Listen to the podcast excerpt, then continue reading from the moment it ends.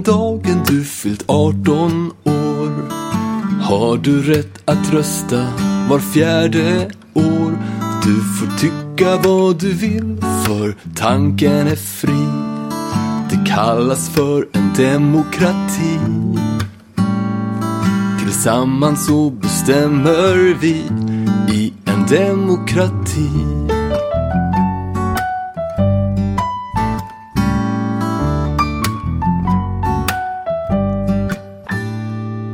Du lyssnar på Blom Olsson Perspektivpodden med Pelle Blom och Jeanette Olsson.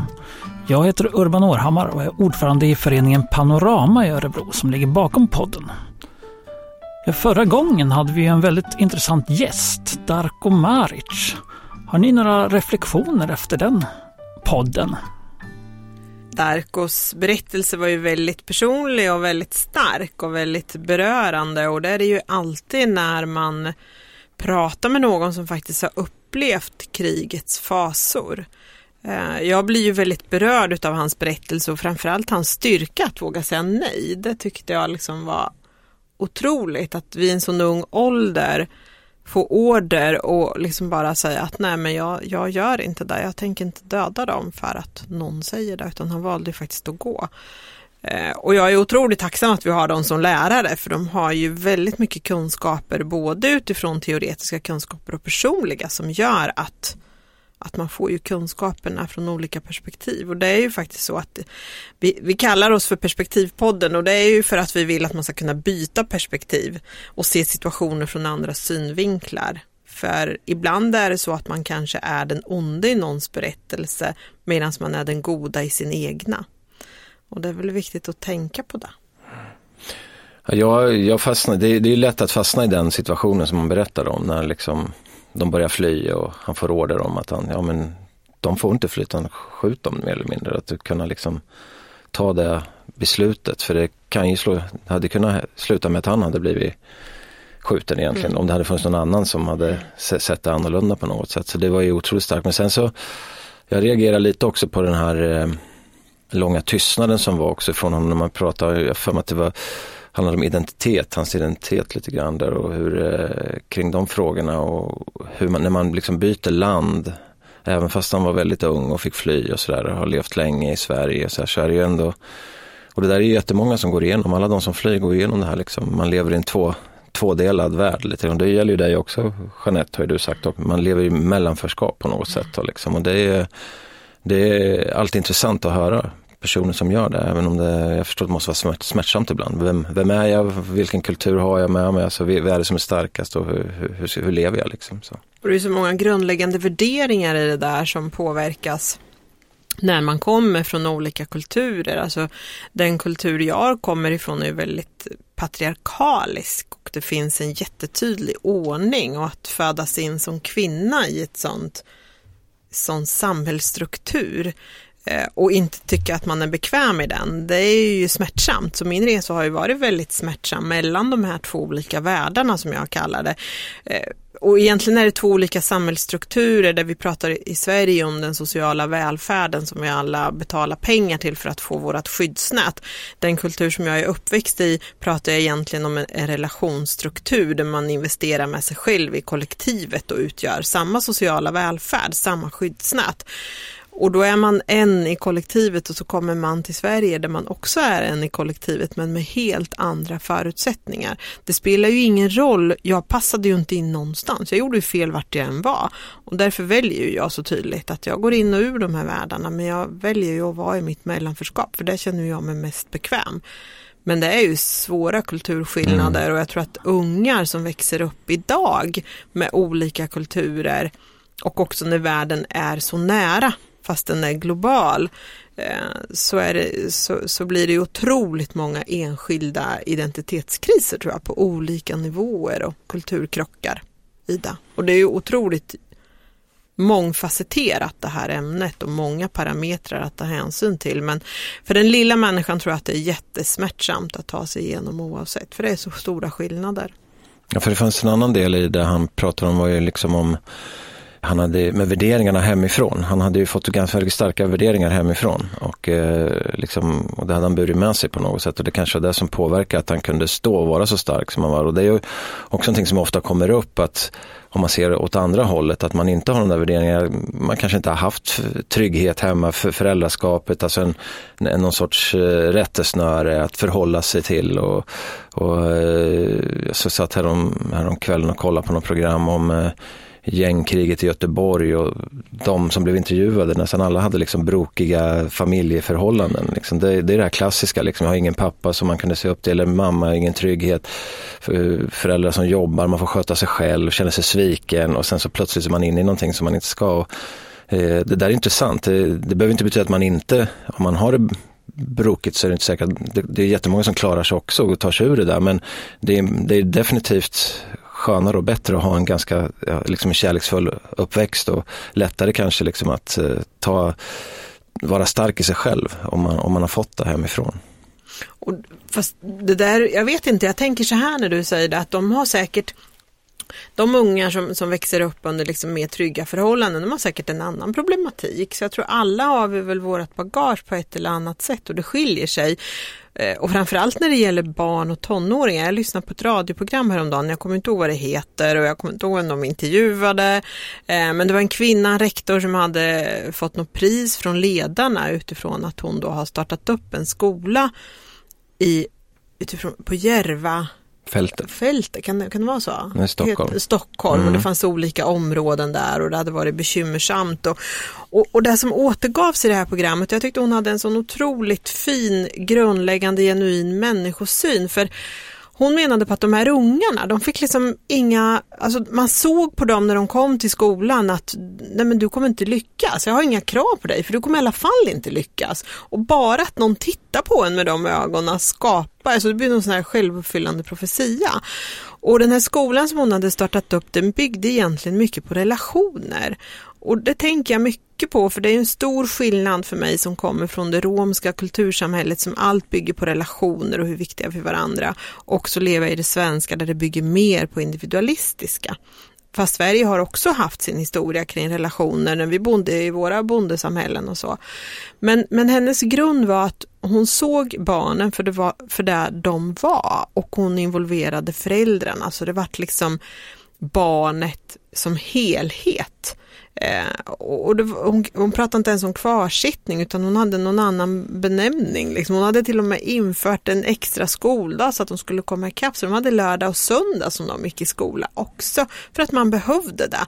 Och man involverade liksom så många delar utifrån vad barnets behov var. Och, då är, och här tänker jag, för det här är så intressant för i samhället tar man ju ansvar, ja men du ska lära dig det här i skolan och det är mitt ansvar. Mår du dåligt och är ledsen när du har andra tankar, då är inte det mitt problem utan det är någon annans. Så att ta ansvar för helheten eh, var en jätteviktig parameter i det här tänker jag. Det är kanske dit vårt samhälle behöver komma. För jag hör ju fler och fler, likadant med sjukvården. Man söker för en sak men jag är ju hela jag. Jag kan ju inte bara dämpa ett symptom, jag vill ju ha hjälp med allt. Eller när man ansöker om stöd hos Försäkringskassan. Då tar de beslut men det hänger ju ihop med hela människan. Mm. Vad är det jag försöker säga här? Va? Jag har ingen aning. Men, Nej, inte jag heller men eh, riktigt. helhet. Ja, alltså, men, men, jag tänkte på just när du pratade om eh, skolan och det där. Menar du att skolan ska ta mer ansvar för helheten då? För att det är väl det som har varit det snacket om att det är faktiskt inte skolan är inte till för att uppfostra, eh, liksom vara extra föräldrar och, utan skolan är väl till för att lära ut kunskap egentligen i, i, i grunden. Sen naturligtvis kan man väl gå in och det är väl bra om man har bra relationer så att liksom, de är trygga när de är där. Men eh, det är ju föräldrarna som uppfostrar barnen ska göra medan det har varit väldigt mycket tvärtom att man, här lämnar vi lämnar vi över det till skolan och så får ni fixa det här, lös det här liksom. Och det blir väl ändå lite väl mycket ansvar på lärarna, det är inte riktigt det de ska göra. Nej, men jag, tror, jag tror inte att det var så ens de såg det utan det var mer att Ibland var de tvungna att vidta andra åtgärder och använda andra kompetenser. Men det som var deras inriktningsmål handlar mer om att stötta föräldrarna och involvera föräldrarna Mm. och ge dem det här föräldraansvaret. Och, och jag tyckte det var så fantastiskt hur hon uttryckte det och jag kommer inte kunna säga det på samma sätt men hon menade liksom på att när man kommer till Sverige och för det handlar ju framför allt om barn med utländsk bakgrund i de här områdena då som hade en viss problematik och när man kommer från förälder från ett krig och man har flytt man har ju ett otroligt mod och en överlevnadsinstinkt men man kanske inte har alla verktygen för att få det att funka i Sverige. Och det är de verktygen som hon menar skapar man förutsättningar för. Så det kanske inte handlar om att skolan tar hela ansvaret och ska uppfostra våra barn. Men, men tillsammans med andra aktörer så har vi ett gemensamt ansvar. Så alla våra samhällsinstitutioner skulle kunna samverka mer i vissa delar som gynnar hela människan. Oavsett om vi är svenska, gula, vita eller vad det nu är. Eh, Det är nog mer den, det här förhållningssättet. Eh, Och jag tänker lika som inom sjukvården, jag visste jag går till doktorn för att jag ska kontrollera eh, öronen. Eh, Men jag hänger ihop med på ett annat sätt också. Så att, men de är specialister inom sitt område. Men då kanske de kan samverka med någon annan eller hänvisa mig vidare. Den här samordningen för hela människan, det är den jag försöker förmedla Det är det du vill sätt. säga.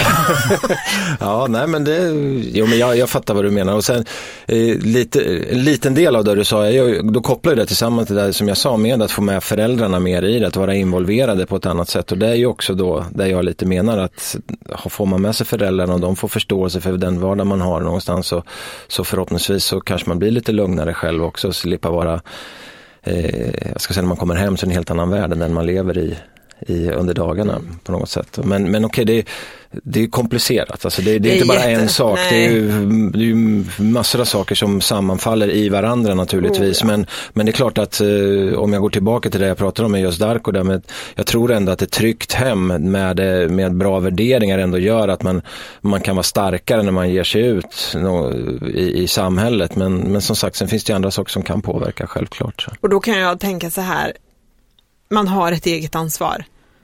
Hur bökigt, hur stökigt det än har varit, du kan aldrig skylla så mycket på någon annan. Du kan bara vända dig inåt och titta på vad är mitt ansvar och vad är min del i det. Precis som jag sa, vad är perspektivet? I någons, någons berättelse är jag den onde och i min egen är jag den gode. Men vänd på det då. Så att det egna ansvaret är otroligt viktigt tycker jag i det här. Så även om Även om man inte har någon lokal. lokal, Ja. vad ska du ha en lokal till? Som att slå sönder stan. Jag vill ju ha en lokal. Fritidsgård eller jag vill ju Bilburna ungdomar ja. som spelar hög musik, Ja. det är ditt stora problem här i stan. Ja, nu är det ju så att det inte bara är mitt, det har ju blivit världens stora grej. Det är Lindesberg har ju varit galet här nu för ett tag sedan. Så eh, polisen var utkommenderade och de stängde av hela stan. Så det är, det är ett sanitärt, eh, sanitär olägenhet är det.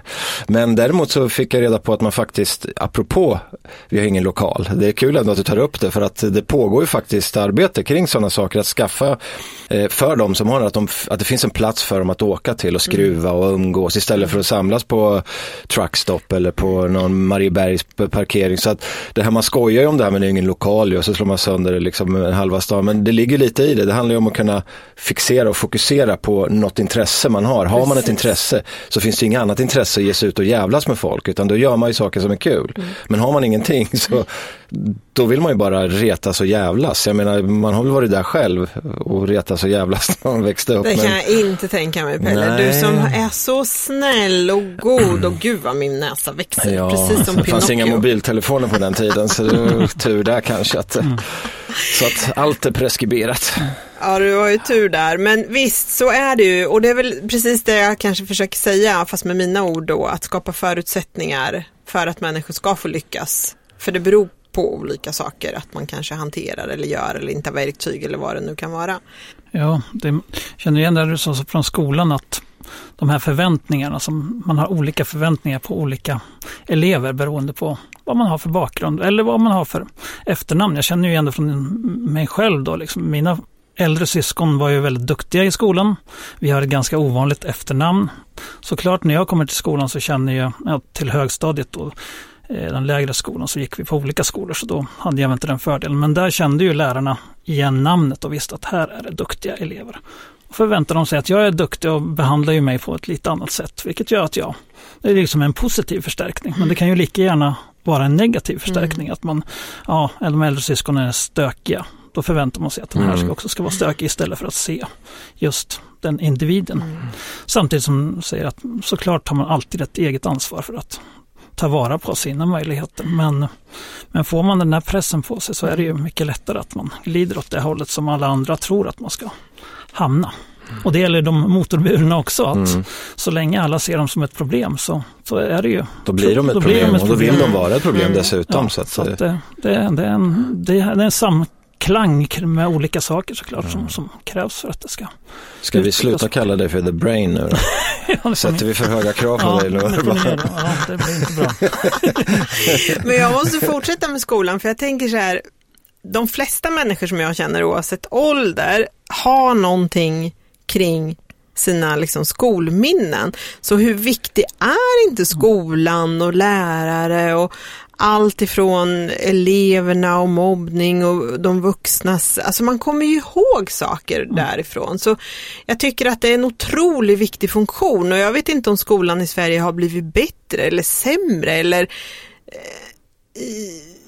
Jag har ingen aning, jag har inga barn ens en gång så att jag, jag har ju liksom inte varit i den världen sedan jag gick ur skolan på, vad var det, 1896 tror jag, sånt där. Så, men, eh, så, så jag kan inte, jag kan, jag, jag, men däremot så äm, hänger man ju med i debatten väldigt mycket och det, det känns ju som att det är väldigt råddigt och väldigt eh, eh, fragmentariskt, alltså här borta är det bra och där borta är det jättedåligt och det verkar inte finnas en samsyn eller att man jobbar på samma sätt utan alla verkar jobba på olika sätt och, och vilka sätt är det liksom och, och friskolor och kommunala skolor och vart kommer pengarna ifrån? Alltså, det, det är ett, en gigantisk eh, diskussion och debatt som pågår om skolan hela tiden och det verkar inte som att någon egentligen vet vad som är, är rätt och bra, eller det, det gör det naturligtvis men den, det är sällan det bryter igenom i debatten i alla fall. Ja, och jag tänker rektorerna som är ansvariga, inte bara för personal utan för elever och föräldrar och alla lagar som de ska förhålla sig till olika myndigheter. Och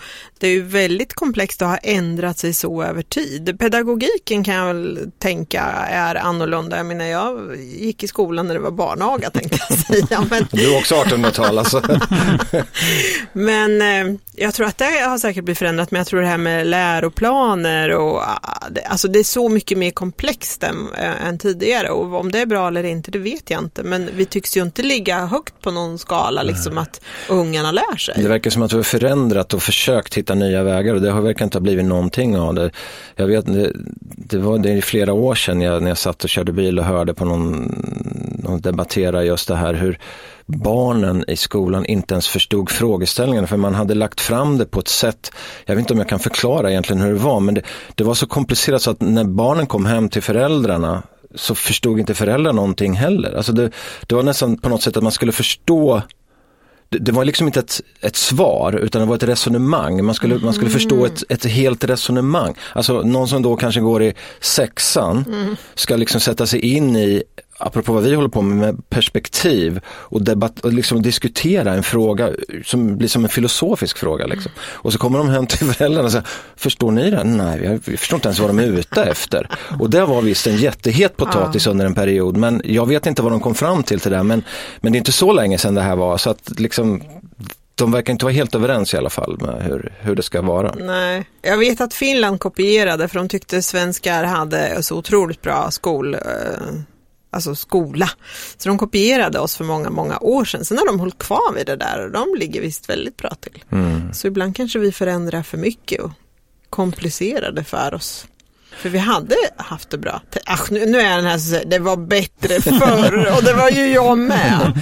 Nej men jag, vi, vi är ju väldigt, rent i Sverige, rent generellt så är vi ju väldigt, vi vill ju ofta ligga i framkant, framförallt med teknik och nya sätt att se på saker och ting. Och, och det kan nog, det tror jag ofta skapar en oreda, i, och det är inte bara skolan utan rent generellt. för att man, man tar sig fram med teknik och grejer innan man har liksom gjort, byggt grunden. Så att, för, för att man vill, man vill visa sig liksom att jäkla vad vi är innovativa och, och så.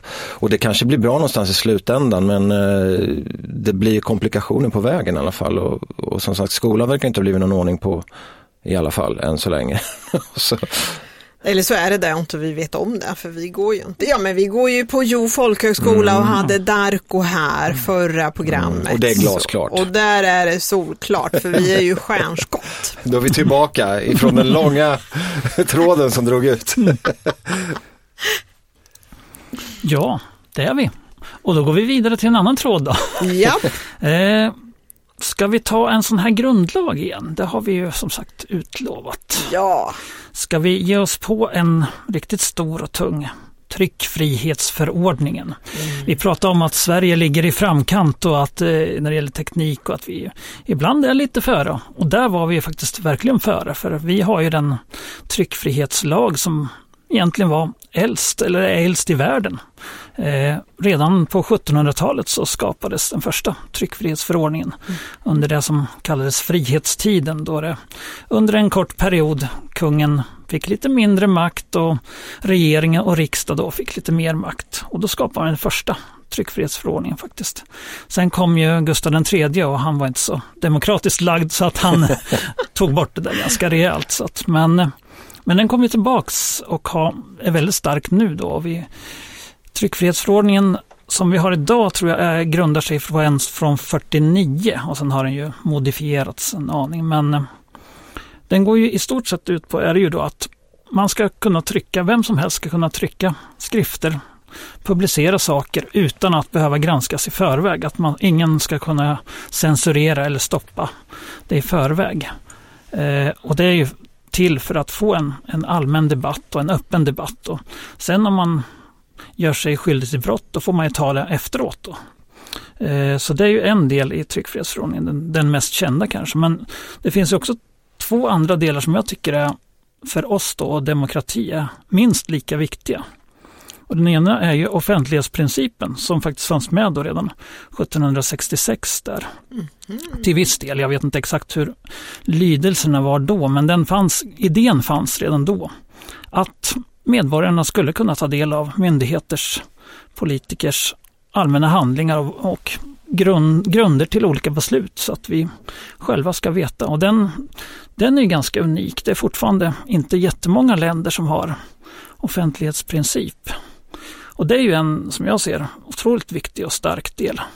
Tyvärr så känns det väl ibland som att dagens myndigheter och tjänstemän och även politiker kanske inte riktigt värnar om den delen av tryckfrihetsförordningen så jättemycket. Det, Eller man, är det så att kunskapen inte är så... det kan vara kunskapen som brister också, att man inte vet att den finns där helt enkelt. Och vad den innebär i mitt vardagsarbete. Mm. Och den tredje är ju, det hänger samman då, det är ju det här med meddelarskydd och meddelarfrihet. Att vem som helst ska kunna, ja, man ska kunna rapportera om missförhållanden helt enkelt till medier eller andra. Och medier ska också kunna skydda sina källor. Ingen ska kunna ta reda på vem det är som har sagt det här om något missförhållande någonstans. Det är också en otroligt viktig del för demokratin tycker jag. Och grunden, att vi ska veta vad som händer. Det är då vi kan ta vettiga beslut och vi kan bli fullt demokratiska medborgare. Och Ja. där har vi ju haft några fall i vårat län, tänker jag på. Mm. Dels där chefer har sökt information om vem som har varit visselblåsaren. Mm. Men även där offentlighetsprincipen faktiskt har tystats. Mm.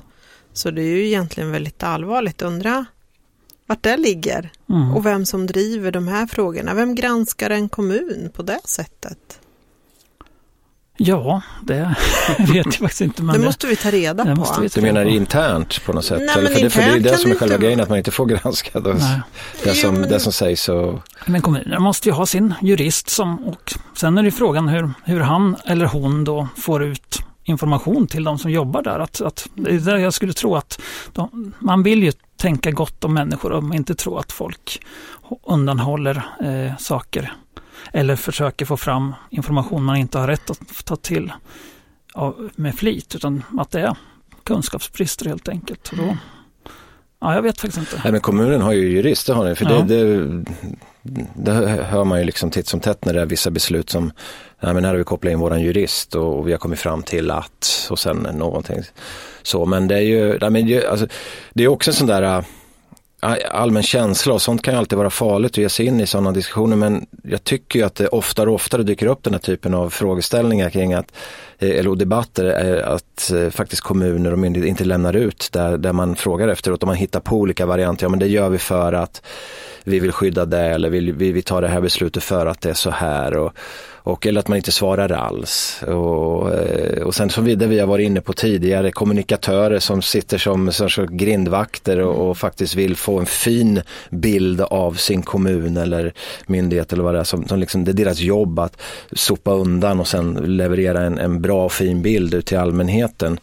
Och, ehm, det var ju, jag skickade över en artikel till dig Eh, Jeanette här eh, för ett tag sedan med en gammal kollega till mig som numera är på Jönköpings-Posten, jag tror han är chefredaktör till och med, eh, som skrev en krönika där de har haft jättestora problem i sitt, eh, ja, i Jönköping med några frågor, jag ska inte gå in på detaljer med frågorna för det är inte vår lokala del här och liksom i, i, i Örebro, men utgångspunkten var i alla fall att man, man vill inte berätta vad det handlar om. Alltså det, de, undan, de försöker stoppa undan till så mycket som möjligt och de vill helt enkelt inte berätta vad det handlar om med myndigheter. Jag tror det var någonting, jag kan ta något, några som hade dött på Dominikanska republiken som det var debatt om för ett tag sedan. Liksom. Och, och myndigheterna i Sverige har inte velat ta i det här överhuvudtaget. De försöker grotta i det men det är ingen, ingen överhuvudtaget som, som vill ta i det. Och det, här, det här tycker jag man märker oftare och oftare. Så jag tycker de här punkterna du tog upp i, det, i den här eh, grundlagen känns som att det måste vi nog jobba på en del. Och om vi nu tycker att man ska eh, informera om demokrati så kanske det här är en del att plocka upp i en demokratiutbildning. Att det, det är faktiskt så här det är. Mm. Sen är det ju som du säger Urban, att vi har ju en extremt öppen eh, grundlag i det här fallet om man jämför med andra länder. Men det är ju å andra sidan eh, en styrka också så att det ska vi verkligen eh, eh vårda. Och tredje sidan kan man ju säga, så det finns ju alltid baksida. Jag tänker, visst är väl det, det är också det här med, vi pratar om kriminalitet och sånt ibland och eh, om där att vittna. Att eh, om jag ska vittna i, om jag ser någon bli skjuten i ett gängbråk och så har jag sett vem det är som har skjutit och så, här, och så vittnar jag om det då kan ju alla gå in och titta vem det är som har varit in och vittnat. Mm, så när, när jag ska, långt innan rättegången ska ske så kan ju de hålla på och bearbeta mig och hota och greja hur mycket som helst. Så att där finns det en baksida av den här öppenheten vi har som slår tillbaka rätt i ansiktet på oss. Och då blir det ju ett dilemma när man ska diskutera de här mm. frågorna. För gängkriminaliteten vill vi få bort. Mm. Vi vill sätta alla de här i fängelse eller åtminstone få bort dem ifrån kriminaliteten. Eh, men om ingen vågar vittna så kommer det aldrig bli någonting av det här och det, det är ju ett jättedilemma.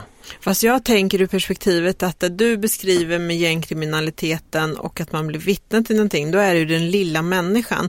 Eh, och där kan ju offentlighetsprincipen slå väldigt hårt. Men det andra är en myndighet och det är deras skyldighet det är myndighetspersoner som har liksom maktutövning, alltså de, de, de fattar ju beslut. Eh, så där är det ju en avsevärd skillnad, men jag tror att mycket av de här sakerna som vi pratar om kan ju faktiskt handla dels om okunskapen men också rädslan. För när en kommun gör fel, när en individ säger någonting så blir det ju också ett drev på mediasidan. Så att det är en jättesvår balansgång. Mm. Alltså en transparens tycker jag absolut. Men det blir oftast den enskilde som faktiskt hängs ut i olika sammanhang. Och, det är också så här, tjänstemannaansvaret finns ju inte kvar. Det är ju liksom borttaget. Men det här är ju absolut en fråga att jobba vidare med för oss i vår demokratiutbildning. För det är ju rätt så grund, grundlagen säger faktiskt Men är det någon som vill ta ansvar idag då? Liksom, det är ju, alla slår ifrån sig, nej men det där var ju, jag satt inte på posten då eller det här, det här är en fråga som jag inte kan ta i eller det här är, alltså det är sällan man, har, har ni hört någon de senaste åren som har stått det här är mitt ansvar, det här är mitt ansvarsområde, jag borde ha haft koll på det här jag tycker det här är dåligt av mig, alltså jag, jag, jag tar mitt ansvar och ändrar om det är så allvarligt så att jag avgår eller, eller att eh, jag behöver bli granskad. Någon, någon får sätta till och liksom granska mig och mitt arbete, vad jag har gjort här. Finns det någon som har hört någon, någon säga det? Nej, men jag hörde en som sa att jag var faktiskt tvungen att åka utomlands under pandemin Eh, för att det var ett viktigt möte. Ja. Men jag tror, tror inte Jo. det. Oj, Jo, men sen då är det ju, då är det vissa som, som eh, inte förstår att de har ett ansvar. Utan att hänga ut någon här då så, så kan man väl säga så. Vem var det som ringde? det var mitt barnbarn. Ska vi se vad, vad hen säger om, eh, om Han. demokrati. Han. Ja, men jag visste inte vilket det var. Så jag var tvungen att säga det.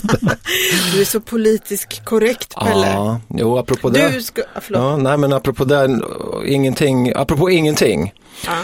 Idag i mitt jobb så tog jag emot pressmeddelanden som jag kollade och så, det var från Kumla kommun. Och där skrev man plötsligt en istället för man. Det har man ju börjat gjort, när det är ju genustänk. Att istället för att säga man, det, det är liksom, då blir det köns bla bla bla någonting. Ja. Så nu har man börjat skriva en, de som då verkligen jobbar med de här frågorna, de, de har börjat skriva en borde åka iväg och göra det här. Inte två. Nej, inte två utan en. Men när man normalt så skriver man borde åka iväg och göra så här.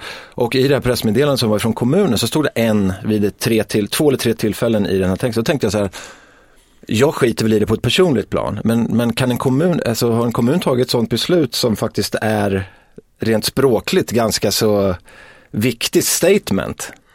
Eh, ska de göra det?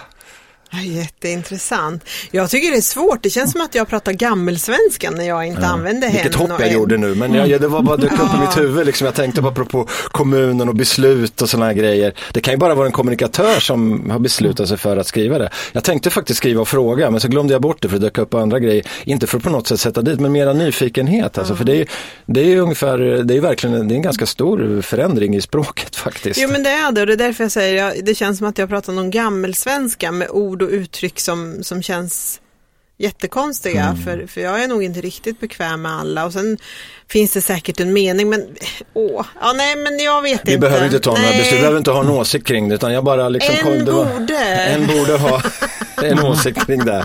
En borde, eller, en Eller- borde vara två, finns det någon gammal låt som heter. Ja, det är Jeremias. Jeremias, ja, precis, så att Det är lite lokalt här att vi går tillbaks till.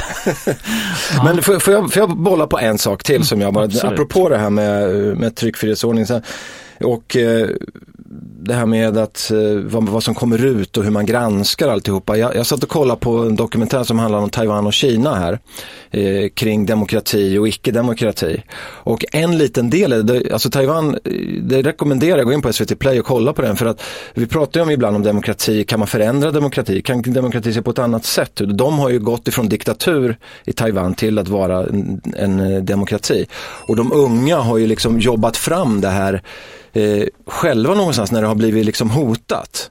Och det tycker jag är lite spännande för att där har de, då- det visar sig att där sitter unga, när politiker debatterar, till exempel som de svenska skulle vara i riksdagen, då sitter unga eh, engagerade människor och direkt granskar politikernas ut, och, alltså där de säger, är det sant det här? De har ett påstående här, går de in och så kollar de, Nej, det var inte sant och då kan de direkt påtala det på något sätt. Så att det blir en slags direktgranskning av politiker när de står och, pr- och pratar i sina debatter. Och det är någonting vi skulle behöva ha i Sverige för att är det någonting som har kommit fram på slutet är att vi har blivit små mini-Trumps i Sverige faktiskt, där man glider på sanningen eller man använder en gråzon för att man ska trycka på någon fråga på något sätt. Där skulle man ju vilja ha det, att någon sitter faktiskt och granskar varje grej de säger som är ett påstående att i Sverige så är det så så många människor som bla bla bla gör det här. Och så går man in, nej, det är det inte. Så kan man gå ut och så, så diskuterar man det. Nej, den här ljög, den här politikern ljög. Det såg vi, svart på vitt här, ett streck. Och så, det tycker jag var en väldigt intressant och spännande grej i deras demokratiarbete. Det kanske vi ska införa här. Ja, varför inte? Alltså jag tyckte det var Ja, du menar hela podden, eller? Ja, ja. Inte direkt, För det, inte det vi säger Nej. kanske. Nej, det var lite obekvämt. Nej, men visst är det en intressant tanke liksom, för att, att liksom uppmärksamma det på en gång och få de unga att vara engagerade i de här frågorna. Ja. Liksom. Jättesmart. Och där har vi då, då har vi ju styrkan i vår offentlighetsprincip och vår öppenhet att där finns ju mycket uppgifter att som man kan få fram direkt. Nu har ju det varit jag känner igen att det, det, det blir väldigt mycket en negativ debatt med offentlighetsprincipen. För nu har ju debatten mer varit om de här olika sajterna och den nya tekniken. De som lägger ut alla de här mm. där man kan gå in och granska sina, sina grannar in i minsta detalj. Man kan granska deras eh, deklaration, man kan granska mm. vad de, vilka domar som finns mot man. All, det finns olika sajter hela tiden som gör det till en affärsidé att lägga ut allmänna handlingar då. Mm. Och det, det är ju inte riktigt kanske meningen grundtanken med att vi har en öppenhet och en offentlighetsprincip är kanske inte det att man ska hålla på och kika lite under gardinen hos grannen inte. Utan, men just den här delen skulle ju passa perfekt i en svensk mm. demokrati. Att man, ja, vi granskar, du säger det, men här står det så. Mm. Det, ja, det låter jättespännande faktiskt tycker jag. Demokrati! Demo, demokrati! Yeah! Ja, den där lilla trudelutten betyder ju att vi ska ta fram ett demokratikort från vår demokratikortslåda som finns att beställa från eh, självaste Forum för levande historia. Eh, vi har tagit några kort tidigare. Den här kommer faktiskt kanske att anknyta lite till eh, det vi har pratat om, eh, det internationella och lite till saker som händer, kanske Israel, Palestina nu. Det här kortet heter nämligen FNs roll idag. Och det är frågan hur ser, hur ser vi på FN idag? Vad, vi har inte lång tid på oss, det är en stor fråga men vi får väl, vi får väl titta lite grann på det. Eh, FN som bildades efter andra världskriget då för mm. att få slut på alla krig och ja, samla folket, alla, alla nationer till ett världssamfund. Och det har ju inte gått så bra. Nej, inte riktigt. Om, man, om, man tänker, om det var syftet, mm. att FN liksom då, så, så har, inte, då har de inte lyckats med sitt uppdrag. Så hur länge ska man få ha ett uppdrag om man inte lyckas med det? Då? Jag vet att vi hade Lovisa Strand där som pratade om mänskliga rättigheter. Hon hade ju varit och jobbat i andra länder, i krigsdrabbade länder och eh, berättade om FNs roll och jag vet att du Pelle har träffat eh, vänner och bekanta som också har jobbat i länder där FN mm. har haft en roll. Och, som har jobbat i FN? Alltså... Ja, dessutom i. FN. Mm. Så att det, jag tror att det är, du vet, jag skulle kunna säga utvecklingsområden, men jag säger inte det. Jag tror att de har en särdeles massa problem som de skulle behöva lösa. Och frågan är om man inte kanske bara skulle ta bort det. Ta bort FN, börja om från början. Jag, det tror jag också. Alltså jag, skulle vilja, jag skulle vilja ha en lista på vilka positiva saker gör FN och vilka negativa saker. Om man skulle kunna ta ut en sån. För jag misstänker att det finns en hel del bra saker de gör också. Men det som jag, alltså det finns ju, en del är ju det här med vo, voterings, eh, alltså så fort det kommer fram en, en, en fråga som eh, för oss, vi som står här, som till exempel demokratifråga. Ska säga. Då finns det ett antal länder i världen som eh, inte vill ha det på det sättet. Till exempel Kina som naturligtvis går in och lämnar sitt veto för de här grejerna. Eller Ryssland, eller när det dyker upp sådana förslag. Så att det går ju aldrig att genomföra någonting, som, utan det, i och med att det finns två sidor hela tiden, så ändras är det USA och de som står på den sidan som lämnar inte veto, eller också den andra sidan med Kina och Ryssland. Och, så att egentligen så det går inte att göra någonting utav det som är på riktigt, utan det blir bara en massa sådana här dokument som man försöker då anpassa till, med, där man ändrar ett komma hit och dit och ett en kanske, eller man möjligtvis någonstans också. Så det är den ena delen som jag ser som jag tycker är högst problematisk, som jag ser det fungerar inte. Det, det är liksom inte de svaga har ingen röst egentligen på det. Eh, och sen är det ju det jag har hört då ifrån historien med de som har jobbat i FN, hur korrupta helt enkelt. I fattiga länder där det är fullständigt, man utnyttjar människor, kvinnor, prostitution, pengar, eh, jättemycket problem. Eh, man skyddar varandra och det vet man ju den här, heter han, Anders Kompass var ju han som blev sparkad från FN som uppmärksammar de här frågorna och han blev ju the bad guy. Mm. Trots att det hade varit så mycket skit i alltihopa. Så att, jag tror nog också att man skulle behöva starta om alltihopa. Eh, men frågan det är det här, vad, vad ska det vara istället? För det, det, har ju varit en garant för någon typ ändå av fred och Fast balans. Fast det har ju inte gått så bra. Nej, men, nej det har ju inte gått så bra. Men det, frågan är hur det hade gått om det inte hade funnits. Det kanske hade varit världskrig igen. Och det är ändå det är en maktbalans. Det är ändå så att man håller en balans att även om det är en jävla dålig balans för att man faktiskt ibland krigar ena sidan och sen bombar de andra och så mm. Men det är ändå en balans, men om man släpper allting fritt och det inte finns några regler alls. Fråga vad som skulle ske då, det, jag vet inte men Så någon nytta kanske de gör, men helt det är klart. det här nya paradigmskiftet kommer in. Ja. Och, vissa, och jag tänker, det är inte bara FN, jag tänker att det finns säkert fler institutioner även på svensk mark, tänker jag, som man faktiskt skulle kunna utvärdera, lägga ner, börja om. Jag tror faktiskt att du är helt rätt inne där, för att jag tror att och det, det går vi in på det här som du pratade om med, med tryckfriheten också, med internet och, och de olika medierna världen, har blivit, världen är formad efter andra världskriget mm. med gamla regler som mm. har gällt ända fram till nu när teknikutvecklingen har exploderat och internet har funnits länge men nu börjar med AI och alla de här grejerna. Vi lever i en annan värld. Och folk börjar skita i det, eller nationer skiter i de här gamla reglerna. Det finns inte kvar. Man måste hitta nya vägar och frågan är hur man gör där. Det är den stora 10 000 kronors frågan eller 100 000 kronors frågan. Eller vad det är. Och för varje ny generation Fortsätt då. Du, du, det var ju så jäkla fint. Kommer du ihåg att, att vi, ja, för varje... Varje ny generation är ett nytt folk. Ja. Det är ju ett citat från någon filosof som jag aldrig lyckades få, få med mig i namnet. Det var från samma program faktiskt, här med Taiwan och Kina som jag fångade upp, upp den, mm. tror jag det var.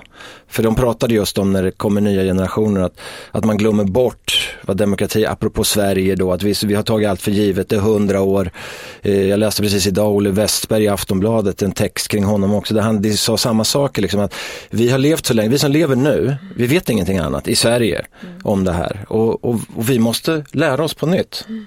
Nu, nu är det mer än en generation kanske då, men, men, men jag tycker det är bra. Men jag, vet inte, jag skulle vilja veta vad filosofen heter, jag måste googla på det. Där tog din fråga en annan vändning, men FN, eh, jag tror fortfarande, jag vet egentligen alldeles för lite och, och ändå har jag då ett eh, skapligt samhällsengagemang. Och det finns säkert jättemycket andra perspektiv, men börja om från början. Börja om på, på nytt. Ska vi sluta där kanske? Jag tror det. Ja, vi gör det. Det blir en bra slutpunkt. Du har lyssnat på Blom Olsson Perspektivpodden med Pelle Blom och Jeanette Olsson. Idag pratade vi om FN på slutet här och sa lägg ner, börja om, gör nytt, gör rätt. Vi har också pratat om grundlagen tryckfrihetsförordningen som vi i Sverige var tidiga med och som vi tycker är en styrka för Sverige. Och så har vi pratat om skolan och eh, förväntningar på människor och hur, hur det kan påverka. Eh, vi tackar den här gången Thomas TK Karlsson, vår ljudtekniker. Vi tackar också Hive, vår sponsor i Örebro och vi tackar Tobias Svärd som har gjort vignettmusiken. Nästa gång har vi en gäst igen. Då är det Niklas Alin som kommer att vara här och berätta. På återhörande.